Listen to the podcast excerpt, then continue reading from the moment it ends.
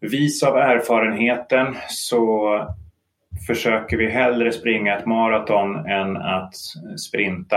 Eh, ett lönsamt, hållbart lönsamt maraton är roligare än en, en olönsam sprint.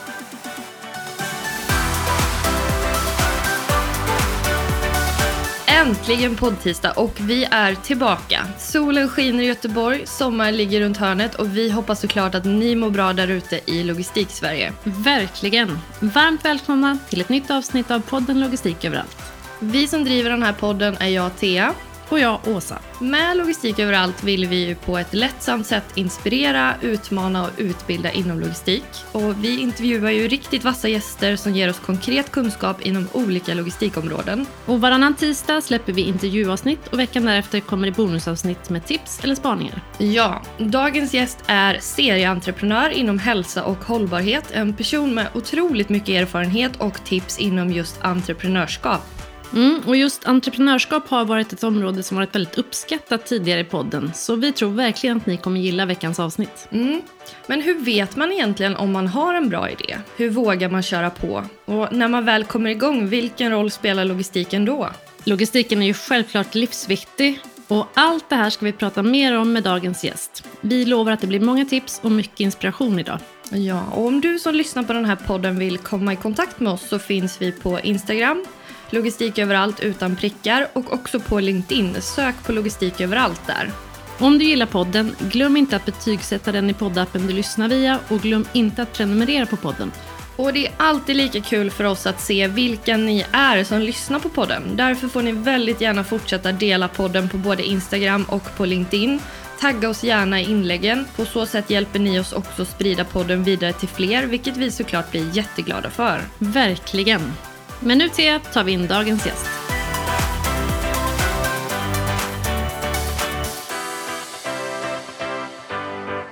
Hur ställer man om fysiska butiker till e-handel? Hur viktig är logistiken? Och hur blir man egentligen serieentreprenör? Dagens gäst heter Johannes Kullberg och är entreprenör inom hälsa och hållbarhet. Förutom att han bloggar och poddar så driver han bland annat Paradiset, en nätbaserad medlemsbutik. Välkommen till Logistik överallt Johannes. Tusen tack. Det är så kul att ha dig här. Du är ju ett välkänt namn för många som precis som vi gillar hållbara livsmedel. Men hur brukar du presentera dig själv? Eh, jag brukar säga att jag är frustrationsentreprenör om man ska liksom sätta en etikett på det. Eh, och det innebär att jag, jag går igång på när det finns stora utmaningar som sällan någon annan vill ta eller vågar ta i. Det är då jag går igång och, och sen så kör jag, mm. på där. Så frustrationsentreprenör är min etikett. Hälsa och hållbarhet ligger ju dig varmt om hjärta, men vad är det för dig? Det, är väl egentligen allt eh, för eh, som småbarnspappa eller pappa, nu är de inte så små längre, jag har en, en fem, en åtta och en tolvåring snart.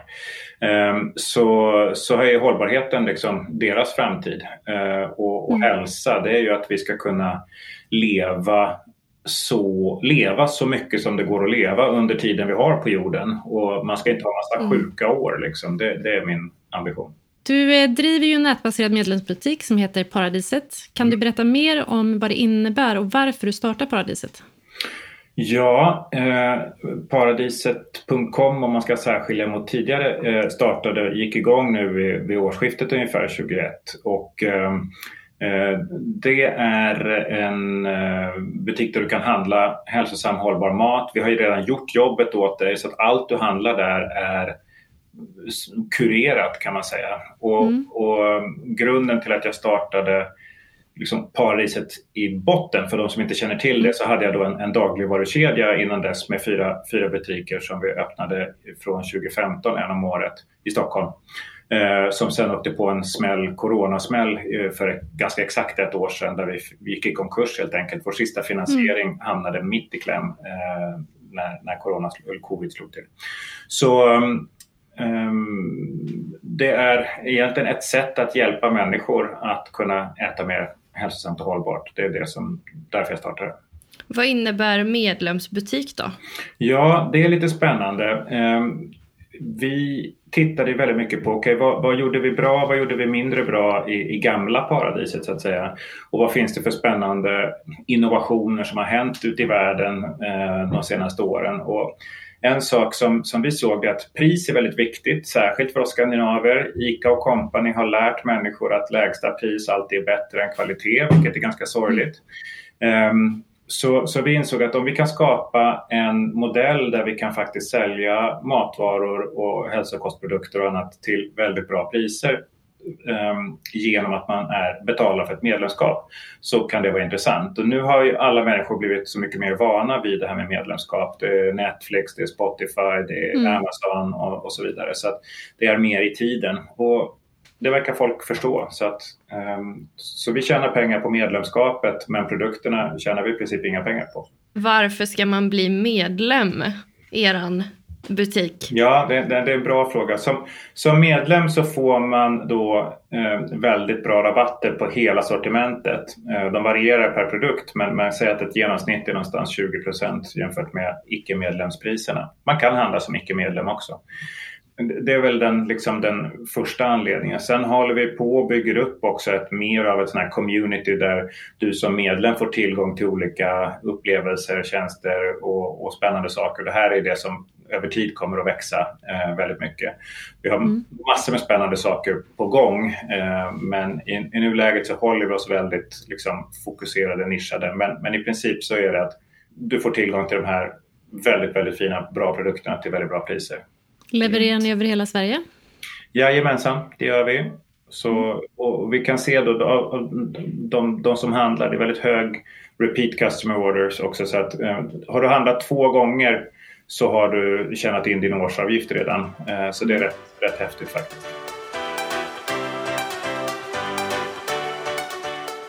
Du nämnde ju pandemin tog oss alla lite på sängen förra året och eh, ni gick i konkurs. Hur gick tankarna hos dig då och när du drev liksom, de fysiska butikerna och när insåg du att de fysiska butikerna inte funkade längre? Redan ett halvår innan ungefär så hade vi bestämt oss för att köra en laserfokus på lönsamhet. Så vi hade två butiker som mm. faktiskt inte funkade av olika skäl. Eh, en, en, helt nystartad men där fastighetsägaren hade helt ändrat förutsättningarna och då sa vi vi, vi stänger dem. Så då hade vi två kvar. Båda de två var på, den ena var lönsam och den andra var på god väg mot lönsamhet. Så, att, så det där konceptet fungerade och, eh, men vi hade inte tiden sen då när, när covid kom så, så blev vi tagna på, på sängen helt enkelt. Mm. Och, och mm. det, var, det var väldigt frustrerande men då får man också tänka okej okay, jag grät faktiskt på vägen hem från eh, Söderbutiken när jag åkte därifrån. För det gick så snabbt. Det var, mm. Den 10 mars hade vi bolagsstämma och klubbade igenom 14 miljoner i finansiering. Den 12 mars kraschade börserna och mm. samma dag hörde den största investeraren av sig och sa jag kan inte gå in med pengar. Och den 23 mars gick vi i konkurs. Gud, ja. så, så man hann knappt reagera. Och, och som sagt, sen på vägen hem när jag hade berättat det där för personalen på, på Söderbutiken, då, då grät jag. Och sen, men sen är, liksom, är man entreprenör och, och serieentreprenör, jag har varit igenom ganska mycket tuffa saker genom åren. Och då får man välja eh, hur, väl, hur hanterar man det här? Och jag tror att hållbarhet Eh, det, det, lite nyare ordet som jag tycker är väldigt mycket bättre det är, egentligen, det är resiliens. Hur mm. hanterar man den här typen av motgångar? Tar man smällen rakt i ansiktet och, och faller pladask och inte kan ställa sig upp, det är inte speciellt resilient eller hållbart. Eller försöker man att fånga upp den här och se, men okay, kan jag åka med den här kraften och ta mig till en ny plats eh, som kanske kan vara bättre än tidigare? Och så försöker jag tänka. Även om det är ganska jobbigt just när det händer. Jag tänker där i, i, under våren förra året när allt det här hände väldigt snabbt och du hann säkert kanske fick bearbeta det lite efteråt. Och sen bestämde du dig för att starta e-handel. Eh, vad i den processen har varit svårast? Det, det svåraste är att övertyga eh, finansiärer sen om att det går faktiskt att driva lönsam eh, handel på nätet och, eh, med matvaror. För det finns stora aktörer som Mathem och, och även internationella aktörer som, och, och då Coop och, och Company som vars näthandlar blöder som ja, så det sjunger om det. Och då är det väldigt svårt att komma och, och liksom säga att vi, vi har en bättre modell. Eh, fast vi är skitsmå. Mm. Men man har Apotea som tack gode gud kan visa att det faktiskt går att tjäna väldigt bra med pengar om man är duktig och inte behöver sälja allt utan kan vara lite restriktiv. Vi har i den här podden dels för att göra logistik enkelt att förstå och dels för att visa att den finns överallt. Du är ju inte logistiker, men eh, vad är din relation till logistik? Jag byggde en gång i tiden upp Lidl i Norge som inköpsdirektör. Då var jag också ansvarig för för eh, hela, hela, eh, alla inkommande varor och eh, marknadsföringen och, och lagret och, och, så vidare. Så jag har lite koll på det. Eh, men du är ju med andra ord logistiker. Det var ödmjukt. man, man, måste, man måste förstå logistik, i alla fall till en viss del, om man ska syssla med dagligvaruhandel. Eh, mm. För, för, särskilt som jag som har utvecklat kanske 500 egna märkesvaror för olika bolag Eh, och, och, då måste man förstå, okej okay, jag köper de här grejerna i Italien och, och, hur kan jag på bästa sätt få de här till Skandinavien eh, och, och, minimera logistikkostnaden men samtidigt se till att den blir så hållbar, effektiv och, och ja, bra som, som det bara går att göra. Det är en, inte en, vet, ja, det är en vetenskap faktiskt, det kan man nog säga, mm. men det, det är förbaskat kul också. Ja, paradiset har ju gått från fysisk handel till e-handel. Hur har omställningen fått se ut när det gäller logistiken? Ja, eh, i, i gamla paradiset så hade vi ju ett riktigt, inte kaos ska jag inte säga, ett organiserat mm. kaos. Men det är den stora nackdelen med att vara så liten. Då måste du jobba med butikslogistik. Eh, mm. För du, du, en, en lagerlokal bär sig bara på någonstans 8-9 butiker uppåt. Och där var inte vi. Så då måste man ha direktleveranser till varje butik och det är inte jätteroligt kan jag säga. Särskilt inte om man har 140 leverantörer som vi hade. Mm. Eh, så det var en utmaning och det var ett jätte, det var sån team effort verkligen att få, få det att funka. Och, och, en av de viktigaste lärdomarna som jag har sett just när det gäller dagligvaruhandel på nätet, om vi tar återigen Mathem och Company, så är det ju att gör man inte rätt i logistikhanteringen, då kommer det att göra ont. Då kostar det oerhört mycket pengar. Och fram till dess att du blir så pass stor att du kan börja jobba med robotlager, eh, om man nu ska köra eget, så, så har du i princip väldigt svårt att få en lönsamhet, för att inte säga att det är ganska omöjligt. Mm. Eh, och därför ställer ju aktörer som Mathem och, och liknande om till robotlager, men det kommer inte bara därmed sagt att det, att det per definition blir, blir lönsamt. Men, men det, det är dit man måste gå tror jag. Mm. Eh, så att vi, vi eh, bestämde oss väldigt tidigt för att jobba med eh, en av de bästa aktörerna i branschen och, och göra TPL-lösningen, tredjepartslogistiklösning. För att vi fokuserar på det vi är bra på, det vill säga att identifiera produkter, bygga sortiment, eh, digital marknadsföring och så har vi ett jättestarkt teknikteam. Men, och, och, vi har duktiga logistikpersoner, men de får sen då kravställa på, på tredjepartslogistiken, log, logistiken. Mm. Dream Logistics i Borås kan jag säga. Alla vägar leder till Borås. Ja, det är märkligt det. jag är boråsare. det här är lite eh. sidospår, men bara, hur många anställda är ni idag? Alltså vi är sju delägare och mm. eh, vi har, eh, just nu så jobbar vi så att vi tar inte ut någon lön i bolaget för att vi vill eh, ge bolaget de bästa förutsättningarna att växa på, på egen hand. Så att vi har också lite sidouppdrag och, och ehm, annat som finansierar våra, våra liv. Eh, så att vi, vis av erfarenheten så försöker vi hellre springa ett maraton än att sprinta. Eh, mm ett, ett lönsamt, hållbart lönsamt maraton är roligare än en, en olönsam sprint. Eh, du var ju lite inne på att ni jobbar med tredjepartslogistik. Vad är den största utmaningen logistikmässigt? I början, så, som med alla nya relationer höll jag på att säga, så måste man klämma och känna lite på varandra och se vad man är för djur. Och, och vi, det sköna är att vi inte är några dunungar längre. Så vi visste, vi, vi räknade med att vi skulle ha kaos fram till mars. Och tack vare, när vi öppnade i januari. Tack vare att vi har sånt både väldigt duktigt team, Anna som, som sköter liksom logistiken hos oss, och att Dream är väldigt läro, liksom erfarna och, och duktiga. Så eh, tog det väl en månad bara innan vi var uppe i speed med, med leveranser. Och, men vi gjorde något ganska drastiskt i början för att jag ville inte bygga ett stort varulager och jag vill inte elda upp massa pengar. Dels kapitalmässigt och dels matsvinnsmässigt. Så att, eh, vi gjorde så att vi sa till alla medlemmar att eh, på första orden kommer ni få upp till två veckors leveranstid. Eh, mm. Så att ni vet om det. Men om ni lägger orden nu så, så kan vi använda dem för att samla ihop och se vad är det folk vill ha och sen köper vi in varorna. Mm. Och det har folk gått med på och, och, mm. och det har hjälpt oss enormt mycket. Så det var lite annorlunda sätt att göra det på men allt går om man pratar om det. Verkligen skillnad mot vad man är van vid.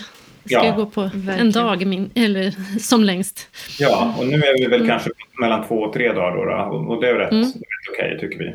Hur har din, eller har din syn på logistik ändrats sedan paradiset blev e-handel? Ja, i form av att jag tycker nog det är ännu roligare. Alltså det är det fina med e-handeln är att allt är mätbart.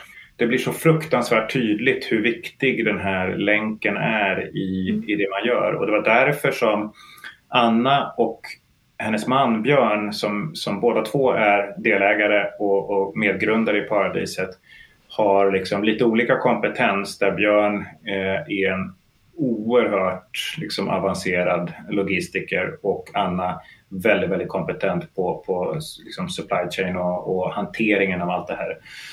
Och det var för mig, eh, baserat på tidigare erfarenheter, så liksom, jag ville inte hamna i en situation som många andra gör där de startar och underskattar hur viktigt det är med, med logistik och distribution. Så därför såg jag till att få in sådana vassa personer på det. Hållbarhetsfrågan är ju återkommande i alla branscher och en viktig ledstjärna för dig. Hur tänker du kring hållbarhet just när det gäller e-handel? Jag tycker att det finns väldigt goda förutsättningar för att, för att äh, agera och sälja hållbart. Men jag tycker att det utnyttjas ganska dåligt i branschen. Mm. Om vi tittar på Dream, men jag tror att det gäller samma på, på alla eh, möjliga lite större distributionscentraler och lager, logistikcenter.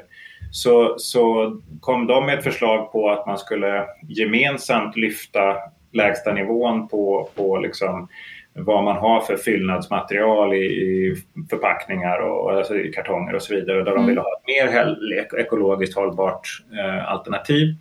Men, men då så, så får man pushback, nej det blir för dyrt. Eh, och, och det här tycker jag är ganska sorgligt för att jag tror att skulle man istället göra det till en marknadsgrej där man säger ja, men det kostar lite mer men, och, och kära kund, vi, vi, lägger på några kronor för att täcka det men, men för oss är det, är det viktigt att agera så här. Då skulle man kunna göra en stor förändring för det som det oerhört stora mängder med kartong och, och det kan vara plast eller, eller om det är papper som används för att fylla det här nu. Så att, Gör man det rätt så funkar det, men, men jag är lite bekymrad över liksom resursanvändningen. Vi hade ju, en, vi hade ju velat fylla våra kartonger med popcorn eh, till exempel. Mm. För att, liksom, varför inte? Perfekta kuddar och kan man Gud vad glada barnen hade blivit när ja, maten kom. Ja. och det, det, kommer vi nog försöka göra lite längre fram när vi har eh, möjligheten och resurserna. För jag tycker det skulle vara en, ja, men det är bara härligt. Eh, men jag blir förvånad över att inte det har kommit längre. Det går ju också att jobba med puffat majs eller något sånt här. Liksom. Mm. Så, men, men, sen handlar det om transporterna och, och, där, är, eh, där tycker jag också att man är på ganska låg nivå. Jag, har, jag är löjligt förtjust i containrar. Eh, och, och, hade som min första, redan i första versionen av Paradiset så skulle det egentligen varit en butik med näthandel och sen containrar vid varje infartsled eh, så att man på vägen hem från jobbet skulle kunna hämta sina varor. För den här last mile delivery-biten är oerhört belastande för miljön och den kostar, kostar mycket pengar på också eh, mm. slutkund. Så varför kan man inte ta och göra det jobbet själv när man ändå är på väg hem? Jag fick inte möjligheten att genomföra ändå, men nu tittar vi på om vi kan göra det med, med nya paradiset om vi lägger till färskvaror. Så jag pratar med lite kommuner så får vi se om de kan hjälpa till. Hur blev du serieentreprenör inom hälsa och hållbarhet egentligen? Ehm, det var ganska enkelt. Jag hade egentligen tänkt att jag skulle bli sån här uh, superduper-VD som man läste om i Dagens Industri. Och jag började väl ganska bra. Jag blev bara Sveriges yngsta börs-VD när jag var 31 eller något sånt där på Feelgood. Men sen så när man fick inse vad, vad, det innebär att du har ofta en styrelse med gamla prestigegubbar som liksom inte fattar bolagets bästa och sen ska jag lägga till på, på den tiden så var jag själv ännu mer kanske hetsig och, och trodde på mig själv mer än vad jag gör idag. Och, och den kombinationen blir inget bra. Så att jag, jag, kände att jag kan inte vara i den miljön. Um, och det var därför jag var så frustrerad över att de inte såg bolagets bästa eh, vid det tillfället. Så då startade jag mitt eget bolag istället. Och det var, hette Proactive Health Partner som jag drev i, i fem år tills Paradiset-tanken liksom inte gick att, att stoppa. Och då, då sålde jag eh, Proactive till ett försäkringsbolag. Ehm, så, och sen blev det då Paradiset 1.0 och man skulle väl kanske kunna tänkt, jag har också flera gånger tänkt nu i, i version 2 att varför i helskotta kan du inte bara ta ett liksom, jobb som alla andra och, och liksom få en trygg inkomst och, och, sluta ha ångest på natten över om du ska kunna försörja familjen och liksom hela den där biten. Och sen så på morgonen så vaknar jag upp och sen så är det bara liksom kavla upp ärmarna och köra. För att det är också så lustfyllt och roligt och spännande och utvecklingskurvan för hur mycket man lär sig som entreprenör, liksom, det går inte att jämföra med någonting annat. Och mm. jag, är en sån här otroligt nyfiken person och nu är jag 47. Jag tänkte leva åtminstone till 130-140 liksom. Eh, och, och, så att nu gäller det att köra på om man ska hinna göra så mycket som möjligt. Hur går man från att man har ett toppjobb och så bestämmer man sig för att man ska bli entreprenör? Hur vågar man ta steget? Ja, de flesta är ju inte lika knäppa som jag är så att jag är ju inte utgångspunkten kan man väl säga utan det klokaste man kan göra där det är nog att man tänker stort men börjar smått och att man eh, börjar trycktesta sin idé utan att lämna sitt gamla jobb kanske för att det är vidrigt att sitta och inte ha några pengar och så vidare. Och en, en oerhört viktig sak är att man måste se att det, det, man har kommit fram faktiskt går att sälja. Att det inte bara är kul i ens egen hu eget huvud utan att det är andra som, som tycker att det här är bra också. Ibland kan jag tycka att vissa entreprenörer startar lite, framförallt unga entreprenörer, liksom hoppar på något men sen så liksom, det här är för idealistiskt eller det är för smalt eller vad det nu är för någonting.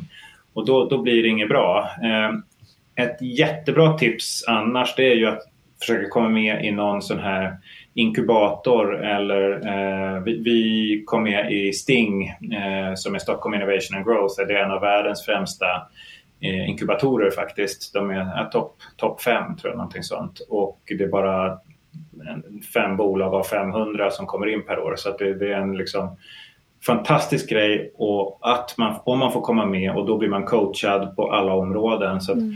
Det är ju magi. Det finns ju andra, det finns många andra som kanske inte riktigt har samma hårda krav men ändå som kan vara väldigt värdefullt för en. Så för att vara ensam är hemskt.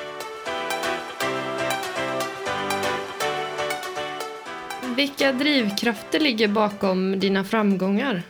Ehm, det är nog samma som också ligger bakom mina motgångar ska jag bara börja vara tydlig med. Ehm, det är att jag har oerhört ehm, den starka tron på mig själv att det går att göra sånt som, som många ens aldrig skulle ge sig in på. Och sen att jag är kreativ och väldigt driven. Jag, brukar liksom, jag är den här personen som tar något från vitt papper till att det där uppe och en liten bit till. Sen ska inte jag vara med egentligen. Det här med operationella fine-tunings, det är inte min grej. Har jag lärt mig. Eh, och, så att man måste veta vad det är man är bra på och vad man är dålig på och sen hitta personer som kompletterar en. Eh, för har, har du, bygger du ett team som är olikt dig själv, då har du mycket större framgångsmöjligheter. Vad är du mest stolt över hittills i din karriär? Jag är mest stolt över att ha, faktiskt ha, att ha vågat och öppnat Paradiset. Den, den första butiken på Paradiset, det var som, nu, nu har jag fått barn också, så att, men det var väldigt i kaliber med att få barn. Mm. Eh, men på ett annat sätt, för här kunde jag låta alla kunna gå in i min dröm eh, som blev på riktigt. Det är, en, det är en sån känsla så det går liksom inte att, att förstå.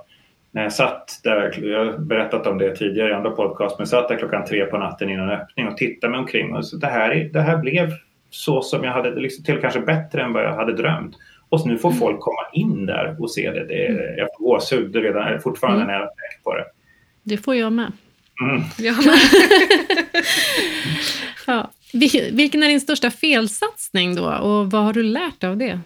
Då skulle man kunna sagt Paradiset, men det tycker jag inte. Utan för att jag ser ju att misslyckanden kan vara betydligt mer lärorika än, än andra.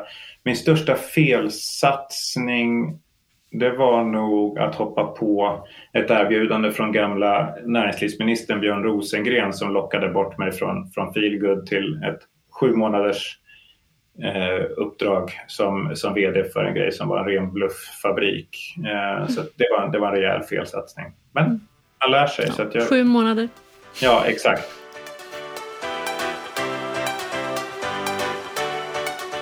Vad tror du att man behöver för att vara framgångsrik som entreprenör fram framöver?